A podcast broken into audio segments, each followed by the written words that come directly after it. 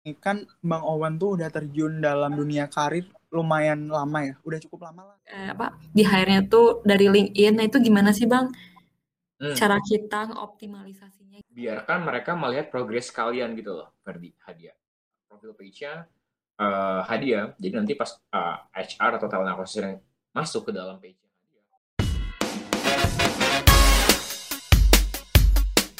Pilih cari loker siapin resume, dan interview jadi entrepreneur, modal, komoditi, target pasar, atau influencer. personal branding, dan bikin konten. Ruang Bijang Karir hadir untuk kamu yang penasaran tentang dunia karir. PR Hima MBTI Presenting. Ruby.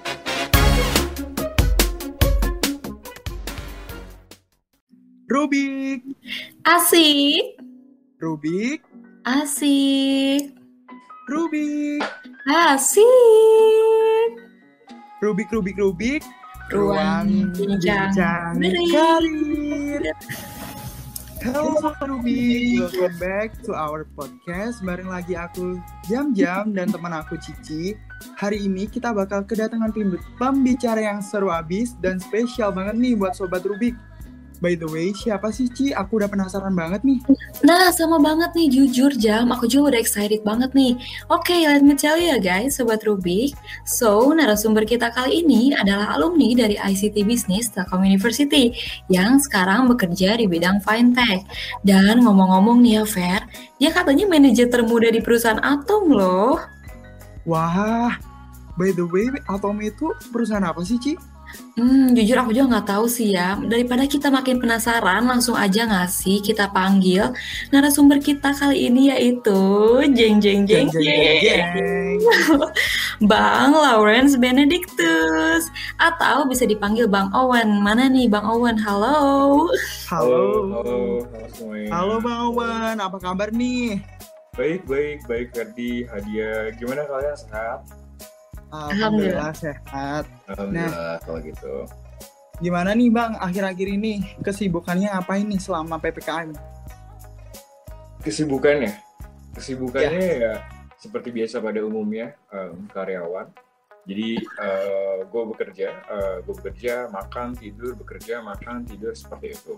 Hmm, Ya, makan tidur normal lah ya. Iya. Normal lah ya, normal. Karena karena gue kan udah apa ya, gue udah WFH permanen dari tahun lalu, jadi nggak jarang banget ke, gue udah nggak pernah malah ke kantor. Jadi semua pekerjaan ya udah bisa dihandle di eh, di kosan sebenarnya. Oke, nah ngomong-ngomong soal pekerjaan nih Bang, cerita Hmm. awal perjalanan masuk ke vintage tuh kayak gimana sih? Boleh diceritain nggak? Oh oke. Sebenarnya kok perjalanan awal ke fintechnya ya? Iya. Ke fintechnya atau awal karir itu beda loh. Em, Ke Hmm. vintage-nya aja deh. Fintechnya aja ya. Oke, Oke. so eh, ya dulu dulu dulu eh, gue join. Eh, ini gue lo nggak apa kan? Nggak apa-apa. Kita santai banget nih. santai banget nih. Iya ya. Oke, dulu gue join eh, gue join di aku laku. Jadi eh, gue join di aku laku. Jadi gue start eh, career gue di fintech itu start di aku laku. Jadi pada saat di aku laku, eh, as you know, aku laku kan dia provides pay later and also personal loan juga sebenarnya untuk eh, end customer, end customer. Eh, ya, jadi gue pas itu entry-nya masuk sebagai staff. Gue sendiri masuk masuk sebagai staff. Eh, dan pada saat itu kita acquire namanya offline merchant. Kalian tahu nggak sih offline merchant, eh, Ferdi atau nggak Hadiah? Offline merchant itu seperti apa? Jadi ini maksudnya bentuk komunikasi dua arah ya, jadi jangan kayak interview atau seperti apa, kita komunikasi dua arah, brainstorm bareng. Siap, siap. Aku sih nggak tahu ya Bang ya. Iya sama aku juga Oke. belum tahu Bang. Oh sama, gue juga belum tahu masalahnya gimana ya? Kok gitu sih? Waduh, waduh, waduh. Ini beneran nggak sih? Nggak, ini beneran nggak sih Enggak, lulusan? enggak, enggak, enggak dong. Enggak dong. Tenang, tenang, tenang. Jadi offline merchant tuh apa sih Ferdi Hadiah? Jadi offline merchant tuh sebenarnya gini. Eh, Ferdi pernah nggak sih ke coffee shop and then buy eh, pakai wallet contohnya kayak mungkin contohnya pakai eh, si hijau atau si ungu atau si biru gitu-gitu pernah nggak Oh iya Oh, pernah. itu pernah, pernah. pernah kan nah itu itu namanya offline merchant. Jadi Ferdi sama Hadia itu doing transaction di offline stores atau nggak di uh, F&B industry seperti itu. Di uh, kayak pas bayar ya scan QR code atau diminta nomor handphonenya seperti itu. Hmm. Jadi gue dulu pada saat join di aku laku itu startnya sebagai offline merchant acquisition.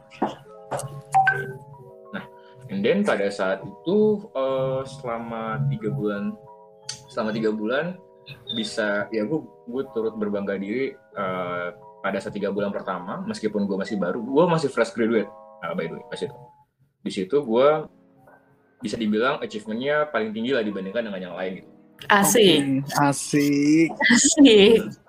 and then ya akhirnya akhirnya uh, my head of business pada saat itu Miss Miss Sandy Miss Sandy. Kebetulan dia dari uh, China langsung. Um, shout out to uh, Miss Sandy. Karena mu- mungkin ini bisa dibilang awalnya dari si Miss Sandy ini sih. Dia dari China langsung. Dia melihat progress gue seperti apa performance gue seperti apa and then akhirnya gue dipromote um, to become business development lead. Seperti itu sih. Dan eh, ya pada saat itu juga sebenarnya gue juga sempat handle untuk yang tim online ya. Nah kalau online, kalau online tahu nggak kalian Ferdi Hadiah? Hmm, Kalau online belum sih. Belum nggak Belum. belum tahu sih. Nggak apa. Jadi em, jadi tujuan kita untuk yang sekarang ini nggak kayak podcast biasanya kita brainstorm bareng, kita belajar bareng kayak Wah, tuh asik Oke. nih podcast Asik nih. podcast kali ini nih Sobat Rubik. ah nggak juga. Nggak nggak bercanda bercanda. Asik lah. Oke, jadi untuk ya untuk podcast ini gue berharapnya uh, gue belajar juga dari kalian kayak misalkan ada something yang gue nggak tahu, gue juga learn something dari kalian, right? So yeah, Oke. um, gue untuk online acquisition itu apa? Online acquisition itu mungkin hadiah deh, hadiah yang cewek ya. Sering pernah nggak sih belanja di salah satu brand online fashion di website? Oh, sering sih Bang kayak Zalora kayak gitu ya. Eh, boleh nggak ya nyebut merek? Nggak apa kalau Boleh, hadiah boleh. Iya, sering sih Bang aku.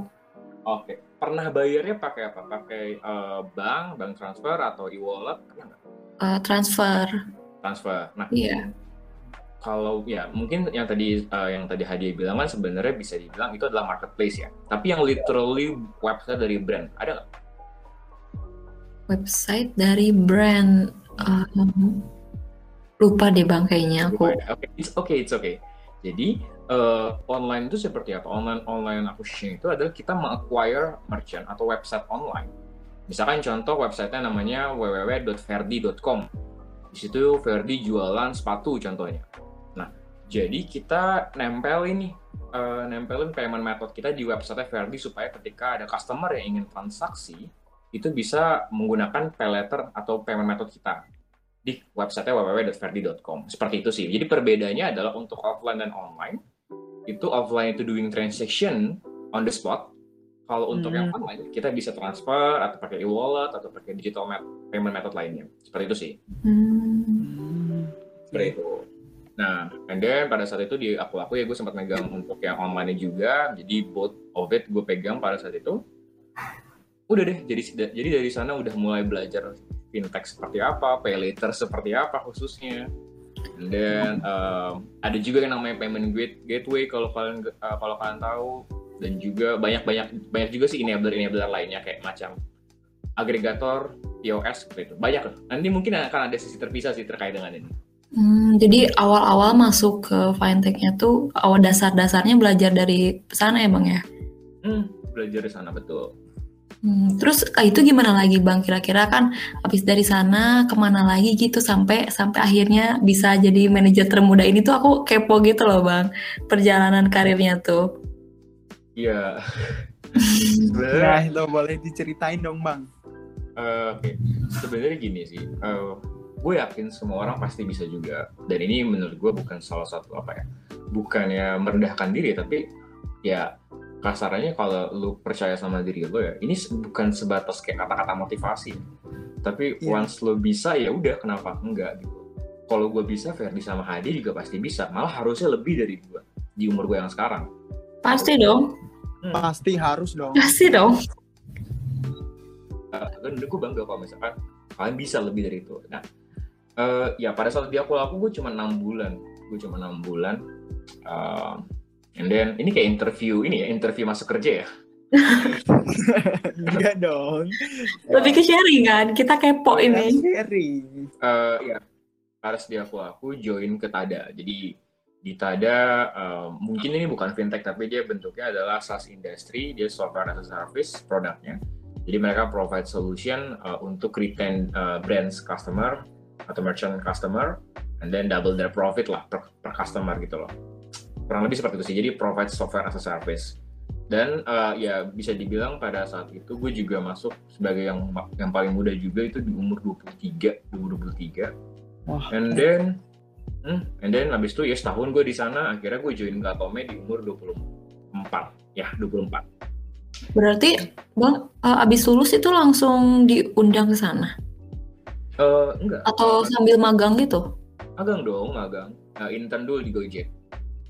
Oh, Intern dulu di Gojek. Di Gojek intern cuma dua bulan, dua, tiga bulan nggak usah. hmm. Seperti Oh, itu. gitu. Oke, nah kenapa sih bang eh, abang tuh memutuskan dan stay di di vintage gitu? Oke. hmm, sebenarnya apa ya? eh, banyak banget banyak banget orang-orang yang memang mereka udah udah udah punya pilihan dalam arti mungkin ada juga orang kayak ah udah bebas deh gue mau kerja di mana aja gitu loh.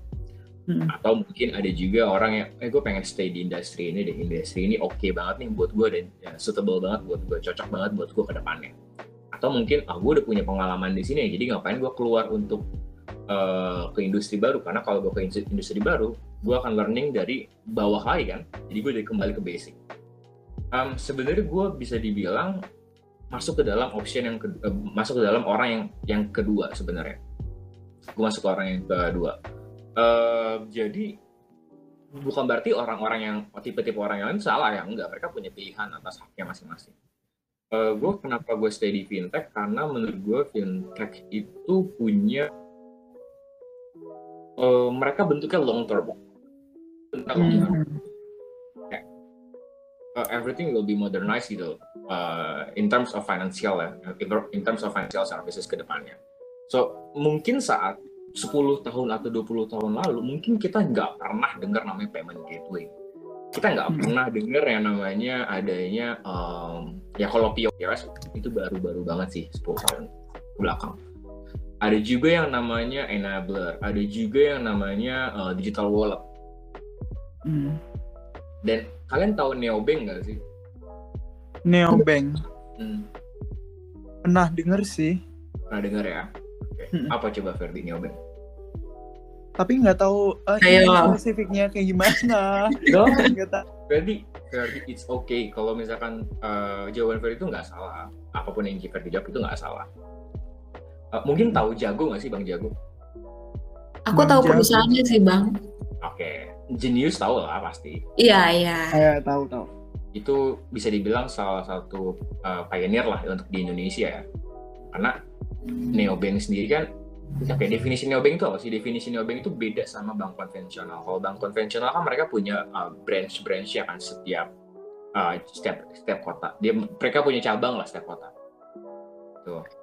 Nah, tapi Genius itu uh, bentuknya adalah semuanya digital, digitalized. Mungkin pada saat awal kita ba- kita daftarnya datang ke on the spot kan kayak ke mall atau apa daftar di sana seperti itu kan. And then uh, akhirnya baru punya akunnya seperti itu. Nah kalau Bang Jago, Bang Jago itu udah beda lagi. Bang Jago mereka bisa mereka Ferdi sama Hadi bisa daftar tanpa harus datang ke on the- kayak di tempatnya langsung di on the spot nggak per- nggak perlu. Jadi itu semuanya bisa dilakukan secara digital. So neobank ini bakal akan sangat amat growing untuk ke depannya. Mungkin 5 sampai 10 tahun ke depan semua bank akan berusaha untuk menjadi atau membuat produk neobank yang mereka sendiri. Hmm. Dan sekarang pun bank-bank konvensional udah bu, udah pada punya nih, udah pada punya. Mungkin nggak banyak, tapi udah pada punya. Hmm. Um, hadiah. Hmm, iya ya. By the way nih Bang kan eh, dari tadi nih long term terus eh, Bang Bang Owen juga kerjanya di perusahaan Atomen ya. Nah menurut Bang Owen, eh, maksudnya gini loh, kan jujur kalau misalnya yang awam nih ya nggak tahu tuh uh, Atome itu ataupun uh, Atome itu kayak perusahaan apa sih kayak gitu. Nah itu boleh nggak sih bang kayak dijelasin? Oh oke. Uh, kalau Atome itu kita bentuknya pay later sih. Kita bentuknya pay later. So uh, kalau misalkan contoh uh, hadiah mau beli sesuatu, hadiah mau beli sesuatu nih harganya sekian contohnya. Harga contoh let's say di angka 500 ribu. Okay? lalu uh, hadiah uh, hadiah mau nyicil untuk berapa bulan? Contoh tiga bulan gitu loh. Oke? Okay? Yaudah nanti hadiah tinggal bayar uh, hadiah tinggal bayar cicilannya aja per bulan ke depannya. Jadi lima ribu dibagi tiga seperti itu. Seperti itu sih. Dan itu membantu membantu untuk orang membantu untuk customer untuk meringankan beban mereka dalam satu kali transaksi ini itu bakal boosting sales mereka. Karena uh, biasanya mungkin uh, Ferdi biasanya kalau dalam satu transaksi cuma belanja atau purchase dua SKU atau dua produk karena hmm. mungkin uh, yang uang yang Ferdi punya pada saat itu cuma segitu. Tapi ketika ada fitur pay later bisa aja oh karena gue bisa bayar setiap bulannya yaudah gue nambah dua SKU deh. Supaya biar sekalian. Seperti itu sih sebenarnya. Jadi konsepnya pay later Ferdi hadiah. Oke. Okay. Oh. nah uh, kalau soal itu berarti kayak pinjaman gitu kan itu gitu kan bang ya nah yang membedakan Atome sama yang lainnya tuh apa sih bang oh oke okay. uh, eh, yang membedakan antara yang lainnya adalah uh, kita no interest maksudnya kita gimana no tuh tanpa bunga sama sekali oh oke okay. okay. ini kita sekarang kita bikin kalkulasi sedikit ya oke okay? uh, kita kalkulasi sedikit uh, let's say in average pay letter uh, pay letter player di Indonesia in average itu mereka punya mereka punya bunga di angka 3% each month. Mm -hmm. And then Verdi lakukan transaksi nih di salah satu brand kesukaannya Verdi dengan total transaksi di angka 300 ribu contohnya. Mm. -hmm. Berarti yang harus Verdi bayar selama tiga bulan ke depan itu berapa Verdi? Ratus ribu nggak sih? Ratus ribu. Tapi ada tiga persen nih per bulannya. Oh iya. Ya, berarti yang harus Verdi bayarkan berarti adalah tiga ratus ribu plus sembilan persen, betul nggak? Iya. Yeah. Hmm. Berarti tiga ratus ribu plus sembilan persen berapa tuh? Ayo.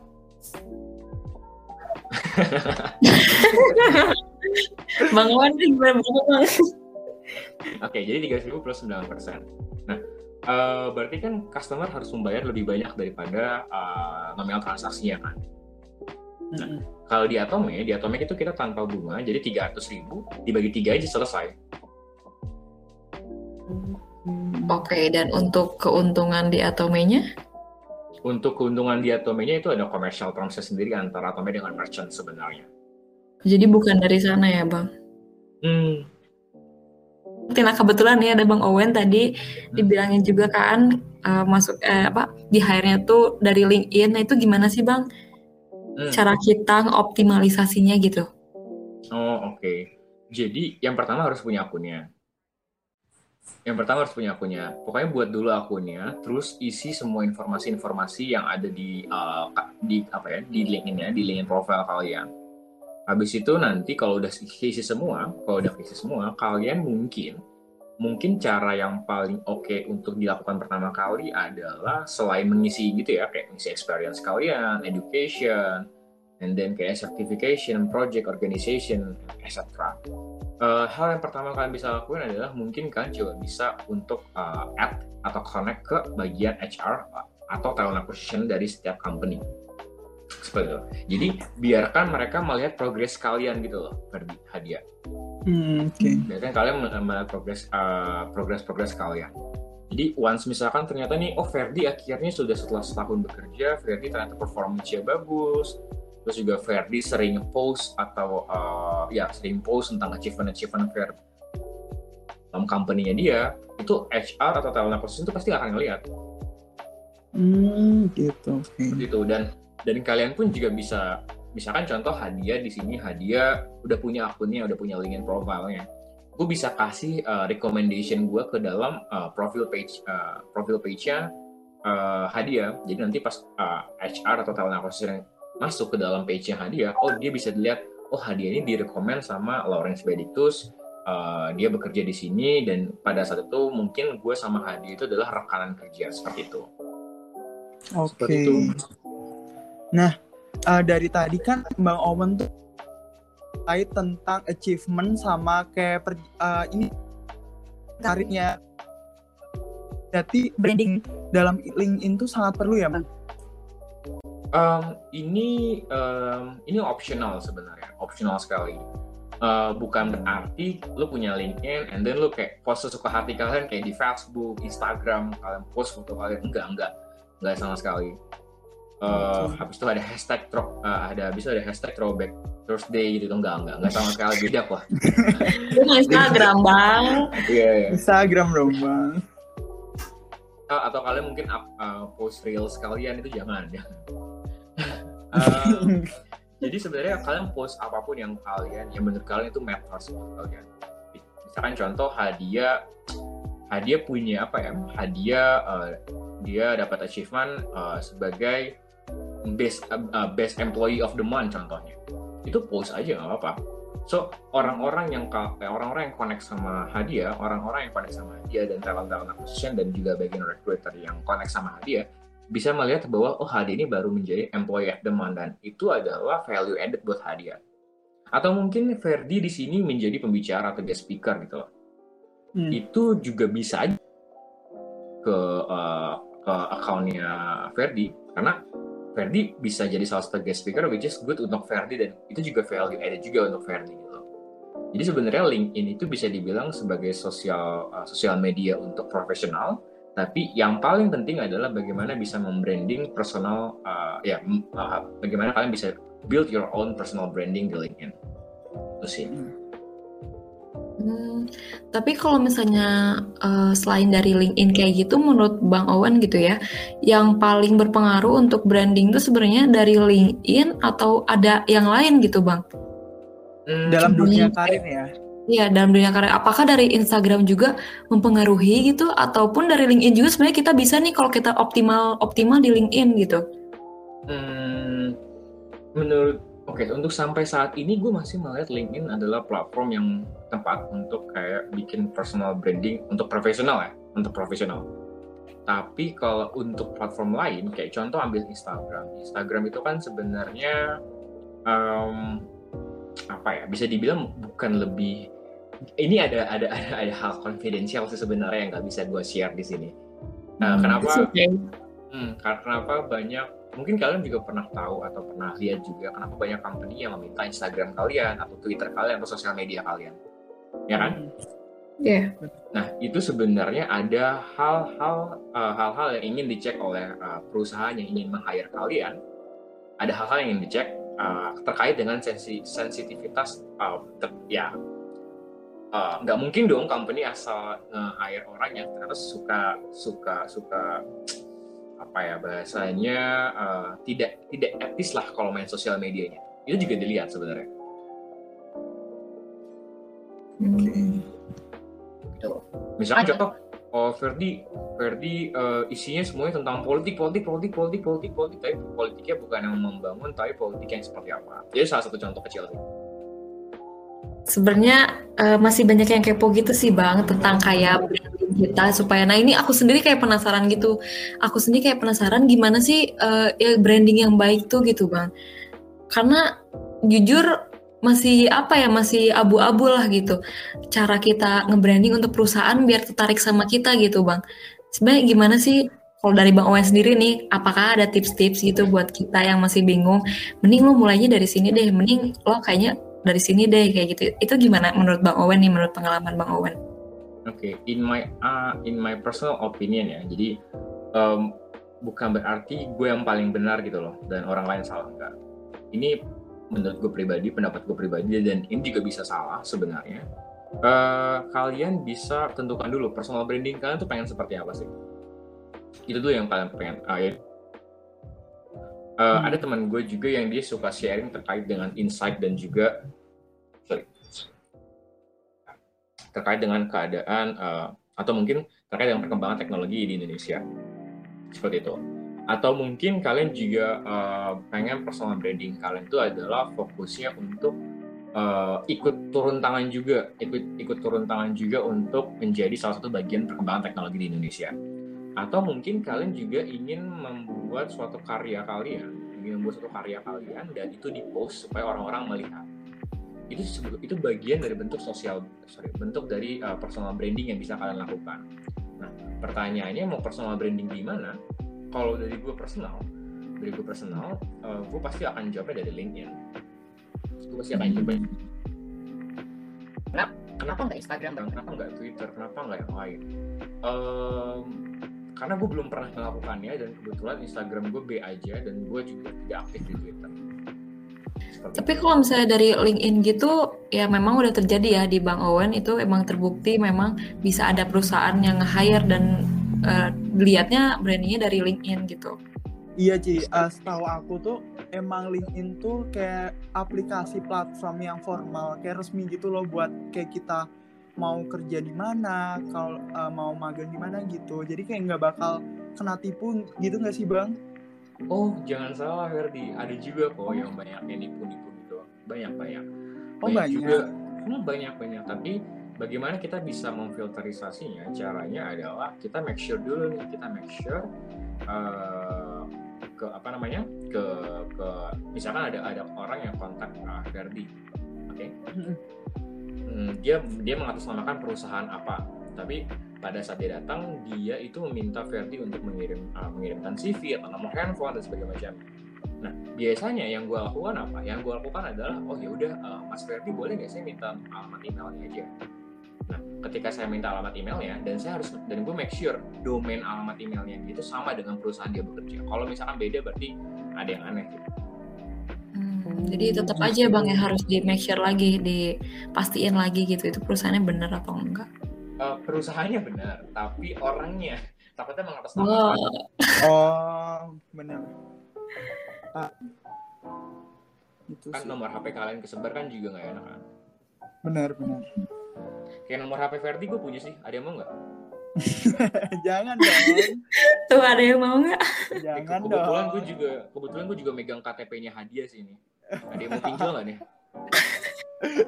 Serem ya, serem ya kerja di perusahaan fintech jadi tahu yang gitu-gitu. ya Tapi itu so far, so far Bang em, happy nggak sih Bang di fight, eh, kerja di perusahaan fintech terus kayak ngejalaninnya happy nggak sih so far? happy dong Benar. happy banget happy banget karena ya sesuai dengan sesuai dengan karena gue pas gue belajar ini juga eh, gue willing untuk belajar gitu bukan karena pressure kerjaan aduh gue harus harus bener-bener kerja mati-matian dan sampai akhirnya gue baru bisa tahu. Enggak karena gue willing buat belajar di financial services sendiri apalagi financial technology. Eh, dibilang happy atau enggak happy sangat happy karena gue bisa menjadi bagian dari itu bagian dari salah satu perusahaan ya dan apakah happy-nya ini hanya sebatas happy atau enggak? Juga gue bisa bilang enggak karena happy yang gue happy yang ada dalam diri gue ini itu gue belum puas dengan diri gue sendiri bahwa gue harus belajar lebih di, di fintech Hmm. kayak gitu sih.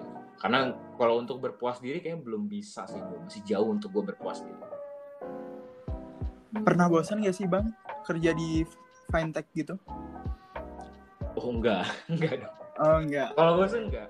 Karena kalau bosan itu sebenarnya personal kan kalau pertanyaan Ferdi seperti ini Bang Owen pernah nggak sih merasa jenuh dalam kerja kayak setiap hari ngelakuin itu terus Mm-mm. terus Iya benar. kayak kayak Ferdi sama Hadiah deh pernah bosan ngampus nggak Eh, Pernah sih. kebetulan Saat eh, lagi ya, Fer? Enggak sih Ci.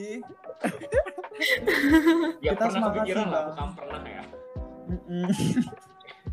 aman ya Kita tuh kalian jawabnya ya semangat. ah, oke Telkom University Sinergi bangun negeri. Iya Ya jadi nyanyi deh. Iya, berarti dia masih hafal ya ternyata. Hafal dong. eh ya kalau misalkan yang para yang yang ngedenger pun juga pasti pernah lah kayak aduh eh, capek nih kayak kuliah setiap hari apalagi kayak masih semester 1 semester 2 maba-maba semester 3 semester 4 ada mungkin yang skripsi pasti lagi hektik-hektiknya buat eh, nyusun skripsi seperti itu. Mungkin kalau kalian masih jauh ya? Kalian masih semester apa sih? Kita masih semester 3, Bang. waduh mudah sekali ya kalian oke. Sangat Eh, kalau dibilang jenuh ada jenuhnya. Jenuhnya bukan fintech ya jenuhnya bukan pekerjaan tapi jenuh karena aktivitas gue kayak tiap hari kok gini-gini aja. Cuman uh, solusinya apa? Solusinya bukan berarti itu akan impact uh, ke dalam pekerjaan gue enggak tapi gue lebih cari solusinya mungkin kalau misalkan habis kerja gue ngapain? Gue main game atau gue Netflix seperti itu sih. Jadi solusinya itu datang dari diri sendiri dan itu tidak perlu untuk mengorbankan uh, pekerjaan kalian. Begitu juga dengan kalian. Kalau kalian capek kuliah ya lo ingat orang tua kalian aja lah. Lo ingat orang tua lo yang bayar gitu kalau lo emang kalau lo emang basicnya udah kaya ya tetap aja uangnya uang orang tua kalian kecuali orang uh, kecuali uangnya uang lo ya lo mau Hmm. mau nggak mau nggak serius kuliah itu urusan lo karena yang rugi lo tapi jangan pernah merugikan orang tua lo sekaya apa pun lo Betul. Asik. Bijak Keren banget nih. Bijak banget ya. Mm-mm. Awan teguh nih. Oh, gue nggak gitu oke oke itu sih menurut gua Oke, so far berarti happy-happy aja, nyaman. Ya mungkin kalau bosen sih, option, eh, ya semua orang juga pasti merasa bosen gitu ya bang ya. Hmm, tapi tapi setiap orang punya hak, setiap orang punya hak untuk bagaimana mereka menentukan eh, solusi supaya bosen itu bisa ter, apa ya teratasi lah, kayak gitu sih. Eh, bang, aku mau tanya deh. Kan Oh silakan silakan Ferdi.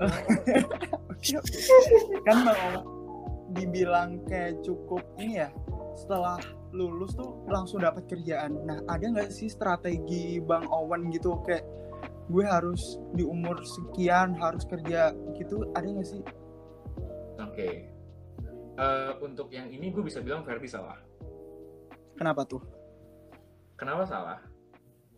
Kenapa tuh? Eh, menurut kalau misalkan Ferdi bilang habis lulus itu langsung dapat kerjaan, itu jawabannya kurang tepat. Kenapa? Karena gue sama kayak fresh graduate yang lain, sama. Ya lulus nggak, gue nggak langsung dapat kerjaan. Gue nggak langsung dapat kerjaan. Ada masa struggle gue ketika gue lulus. eh, ketika gue lulus, gue nggak dapat kerjaan. Mungkin gue nganggur sekitar tiga bulan, tiga bulan dan Hmm. akhirnya gue dapet gue dapet kerjaan pertama gue magang itu dari mau tau nggak mak gue dapet magang gojek dari mana Dari mana? Dari mana tuh? Hmm, coba tebak deh Ferdi sama Hadiah Dari temen. Dari dosen kayaknya nih. bukan bukan Dari Instagram. Enggak sih, kan gak aktif ya di Instagram. Iya. Eh, dapet, ya udah apa, apa lagi udah udah. Udah.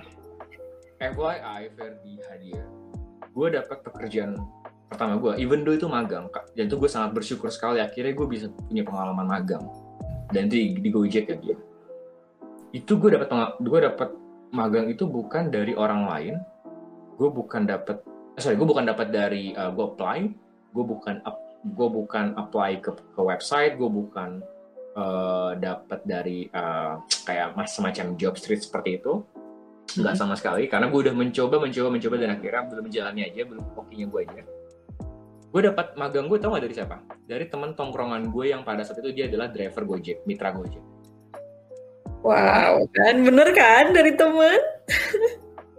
dia mitra gojek Oh, oh iya. paham. dia mitra gojek dan kebetulan dia cuman kayak kita lagi nongkrong bareng terus dia bilang Wan lo udah kerja belum? Belum coba deh lo apply.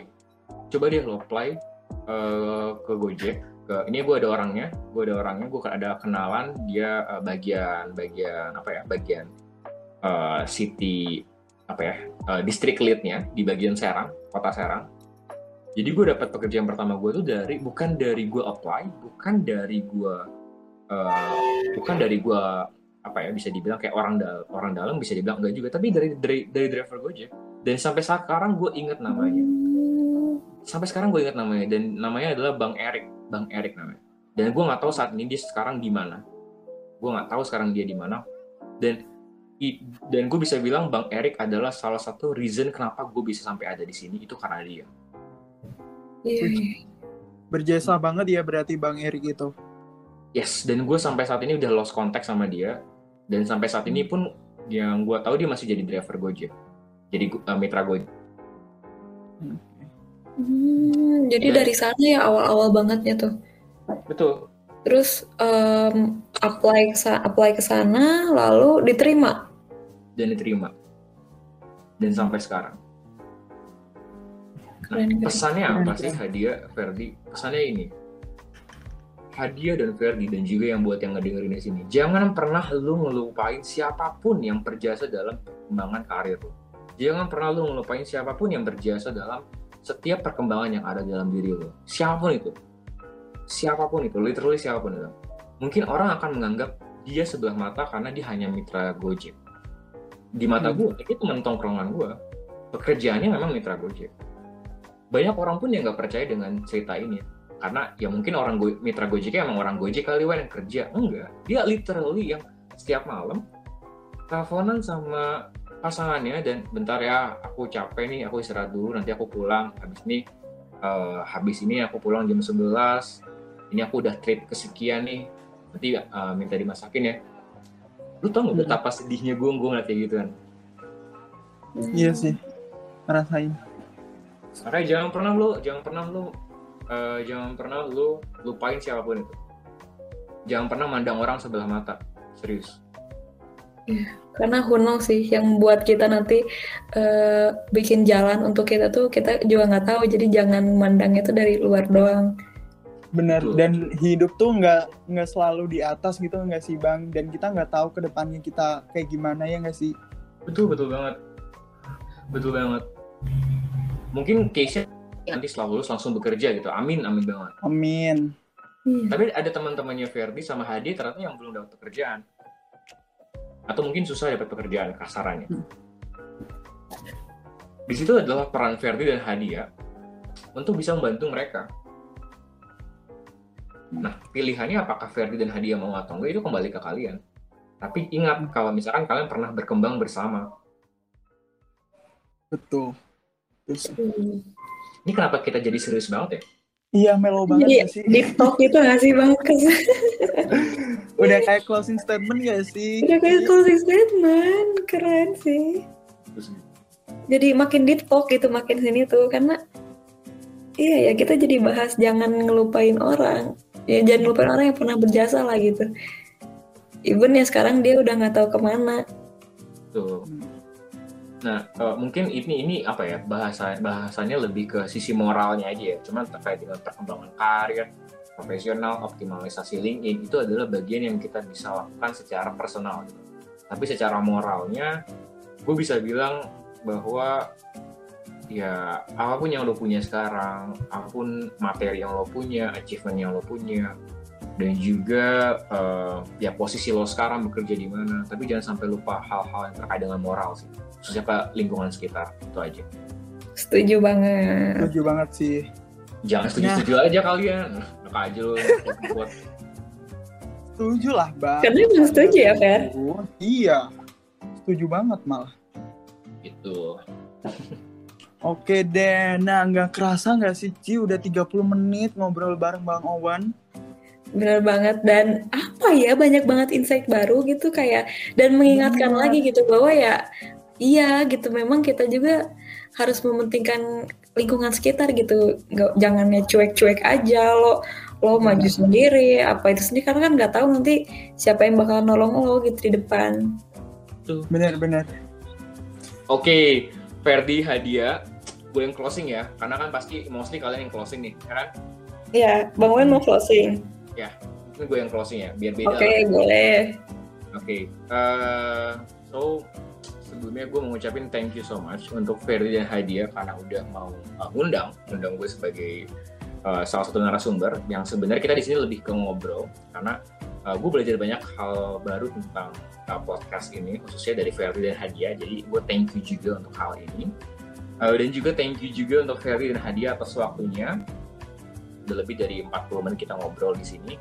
Uh, harapan gue untuk podcast ini tetap maju, tetap seperti yang direncanakan dan proyeknya bagus juga diterima oleh audiens.